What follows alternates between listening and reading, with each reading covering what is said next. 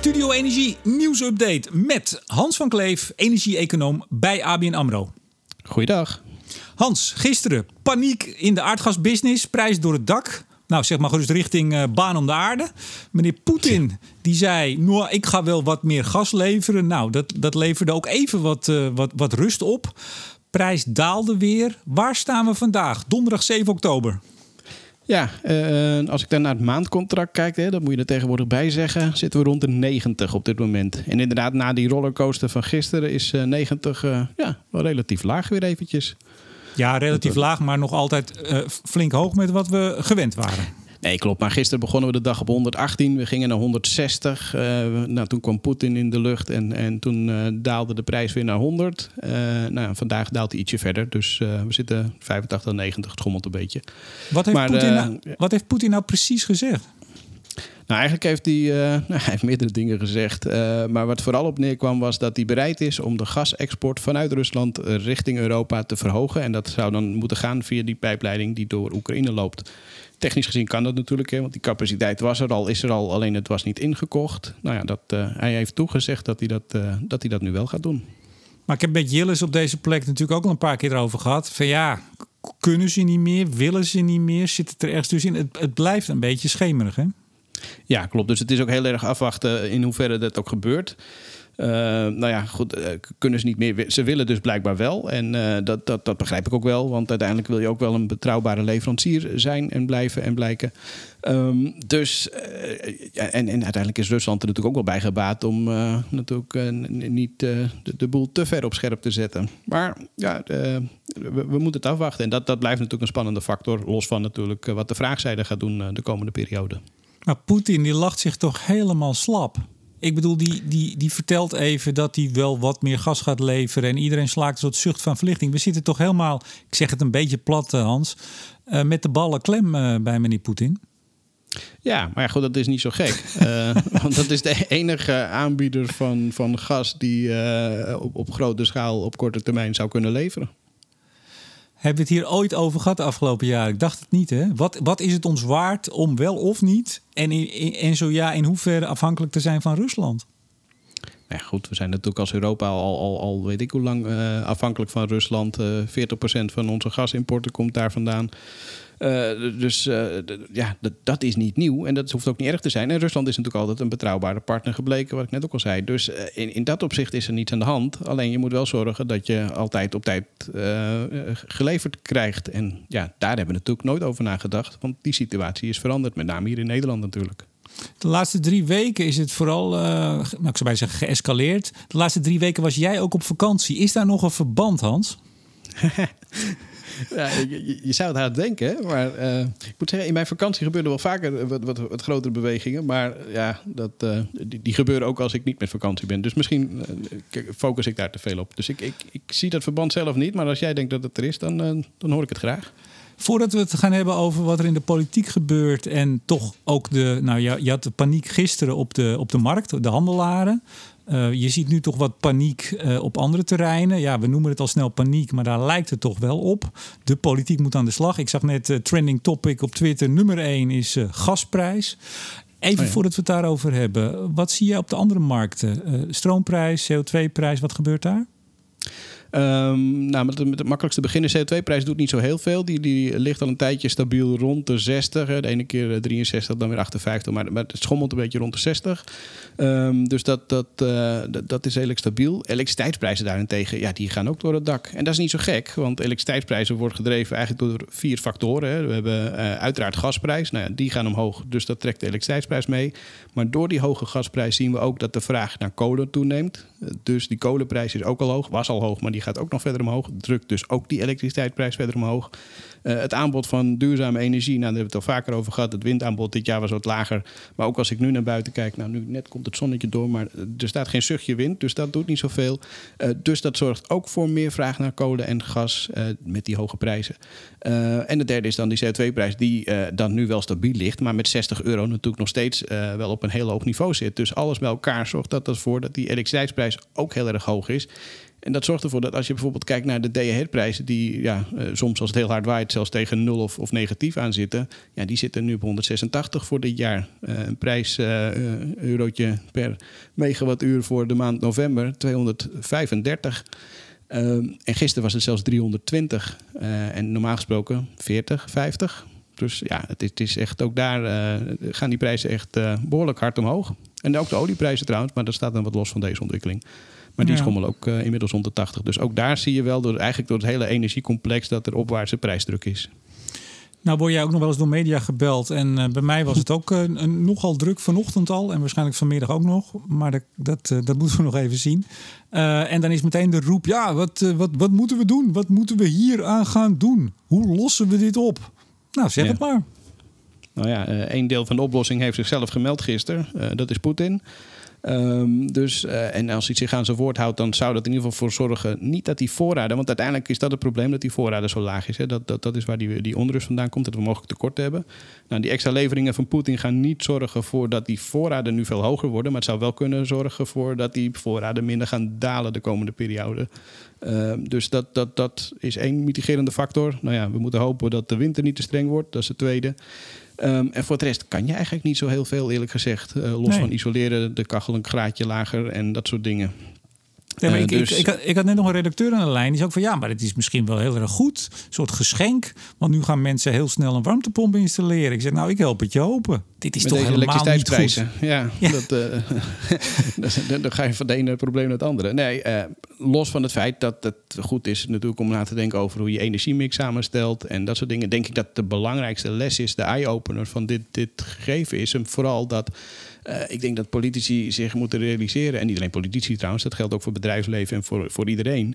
Uh, dat ja, je, je kan niet zomaar zeggen we gaan alleen maar focussen op duurzame energie. Uh, en we mag geen, geen, geen eurocent meer worden geïnvesteerd in olie en gas. Zonder dat dat consequenties heeft voor je leveringszekerheid. Of ja, voor, voor, de, voor de energieprijs. Um, je hoort nu heel veel politici in heel Europa die, die, die zeggen dat die energieprijs voor de consument omlaag moet. Hè. Dus die stellen miljarden beschikbaar uh, om, om dat, die prijs te drukken. Van hetzelfde geld het... van diezelfde consument, Hans. Ja, natuurlijk. Maar, maar we hebben de afgelopen paar jaar riepen ze dat die prijs van de CO2 zo hard omhoog moest om de verduurzaming te stimuleren. Dus uh, het staat wel een beetje haaks op elkaar. En uh, ja, we moeten meer dus. En dat krijgen we volgende maand. Hè, Glasgow krijgen we een nieuwe klimaattop. En dan gaan we dat nog een keer horen. De klimaatambities moeten omhoog. Er moet meer geïnvesteerd worden in duurzame energie, in infrastructuur, in technologische ontwikkeling en alles nog wat. En daar hebben ze helemaal gelijk in. Maar het is er nog niet. Uh, de bouw van een windpark kost zeven jaar als het vergunningentraject een beetje mee zit. Uh, en en dat, dat geldt voor alles. Alles kost tijd. Technici uh, hebben een tekort aan. het is gewoon simpelweg heel erg complex. Dus ik hoop dat dit een eye-opener is. Dat, dat we heel erg moeten inzetten op, op vernieuwing, verduurzaming enzovoort. En verlagen van CO2-uitstoot. Maar ja, dan is er altijd nog iets met oude schoenen en weggooien en dat verhaal. we hebben de rest nog wel heel even nodig. En ik, ik denk dat dat besef, ik hoop dat dat besef inmiddels weer wat hoger op de agenda komt. Ik heb vanochtend nog even een fragment gedeeld van een toespraak die ik hield vijf jaar geleden, september 2016. Uh, dat was, een, was dat toen een... jij dat liedje zong? nee, dat was een andere keer. Oh, oké. Okay. Uh, maar het was voor de, de gaswereld in Nederland op hun uh, jaarlijkse congres. En die vroegen mij nou ja, om ze een beetje op humoristische wijze een spiegel voor te houden. Dus ik heb het even wat sterk neergezet. Maar de kern daarvan was wel bedoel, we keken alleen maar naar één van de drie pijlers onder ons energiebeleid: duurzaamheid. Hè, en de andere leveringszekerheid en, uh, en de prijs. Ik bedoel, daar hadden we het niet over. En het is natuurlijk bizar. En jij zegt terecht een, een eye-opener. Je zou het een wake-up call kunnen noemen. En als het dat is, achteraf, als waar we nu in zitten, achteraf blijkt een wake-up call te zijn geweest. Zodat politiek, maar ook nou ja, eigenlijk iedereen, alle partijen die hierbij betrokken zijn, ook media, NGO's, uh, uh, ja, toch redelijker in de wedstrijd gaan zitten. En dan bedoel ik inderdaad niet net als jij, niet het verlagen van onze doelen. Ik bedoel, die moeten hoog zijn en je moet steeds de lat, uh, ik zou bijna zeggen, buiten je bereik leggen. Maar precies wat je zegt, uh, oude schoenen en, en nieuwe en weggooien. Je kan natuurlijk niet zeggen, nou, we stoppen gewoon. Er stond vandaag een mooi stuk in de Financial Times. Jillis uh, deelde het nog, ik heb het ook even doorgestuurd over hoe nu hedge funds instappen waar uh, de, de gerespecteerde grote olie- en gasbedrijven en beleggers uitstappen. Nou, ten eerste kunnen die hedge funds uh, heel veel geld verdienen, zeggen ze zelf. Bizar veel geld. Uh, maar vervolgens zie je ook dat dat soort jongens natuurlijk helemaal uh, niet die aandeelhoudersdruk voelen. Helemaal niet zich aan allerlei regels hoeven te houden.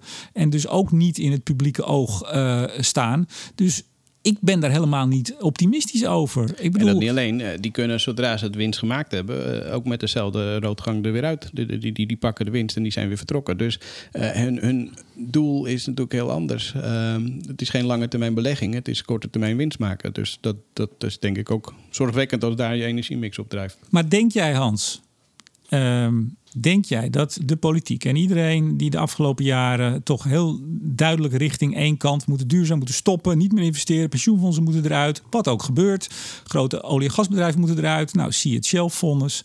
Denk jij dat dit nou echt een wake-up call zal zijn? Of gaan we gewoon over een paar maanden, als dit weer een beetje gezakt is, dat we gewoon weer vrolijk verder gaan op de oude voet? Ja, ik vind dat lastig. Sowieso, kijk, eh, dat, dat dat soort bedrijven of, of uh, instellingen of, of, of grote internationale automaatschappijen uitstappen, dat wil nog niet zeggen dat niet gebeurt. Hè? Want dan krijg je andere partijen die instappen. Dus dat doet voor je leveringszekerheid aan zich misschien nog niet zoveel. Maar het is ook de, de sfeer eromheen. Hè? De, de, neem bijvoorbeeld de, gaswinning in Nederland. Uh, nou, we weten allemaal wat voor problemen daarmee zijn en hoe lastig dat uh, op gang komt. Ehm, oliewinning, hetzelfde verhaal.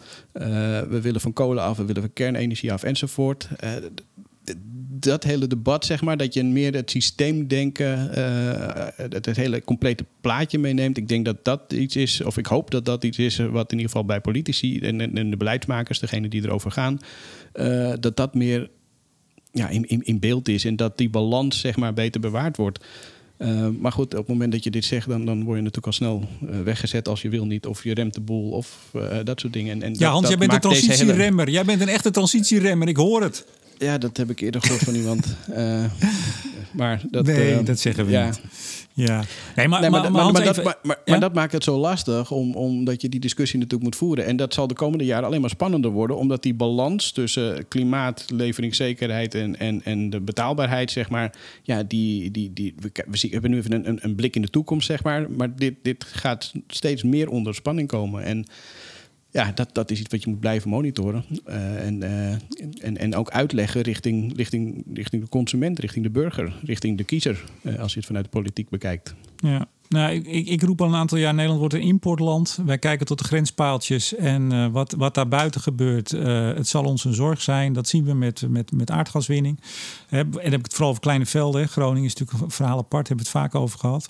Maar je ziet dat, nou, recent bij Ternaert, uh, Fries dorpje, heftig protest. de Waddenzeevereniging en iedereen op zijn achterste benen. En je snapt het ook nog wel, zeg ik er dan altijd maar bij. Maar jaren daarvoor al, hè, Woerden ligt nog een gasveld. Uh, ik ben eens een keer in Tilburg geweest met de wethouder. Tilburg bij het, het veld Waalwijk.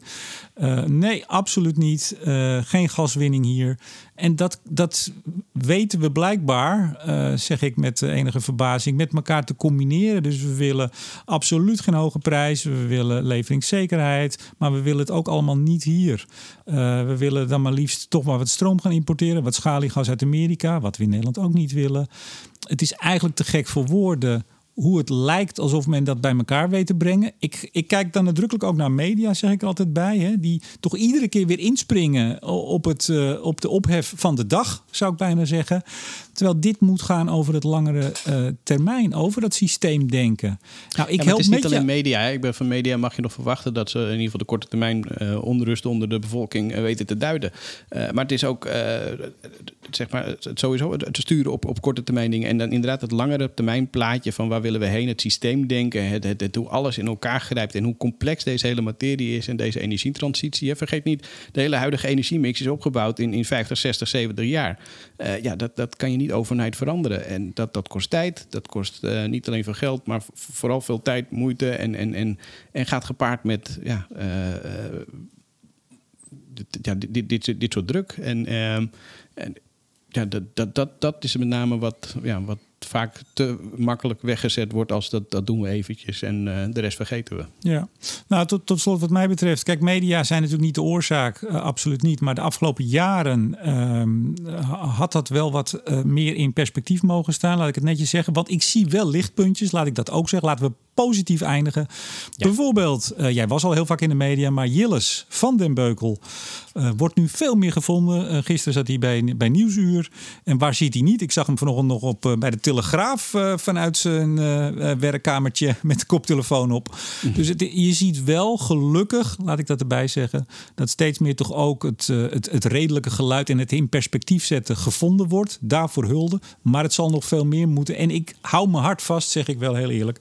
Als dit straks allemaal weer wat gezakt is. Uh, of we dan niet weer gewoon verder gaan op de, op de, de vrolijk populistische voet. Dat wij hier alles maar stoppen. En dan, uh, dan komt het vanzelf allemaal goed, Hans. Want dat doet het niet. Dat weten wij.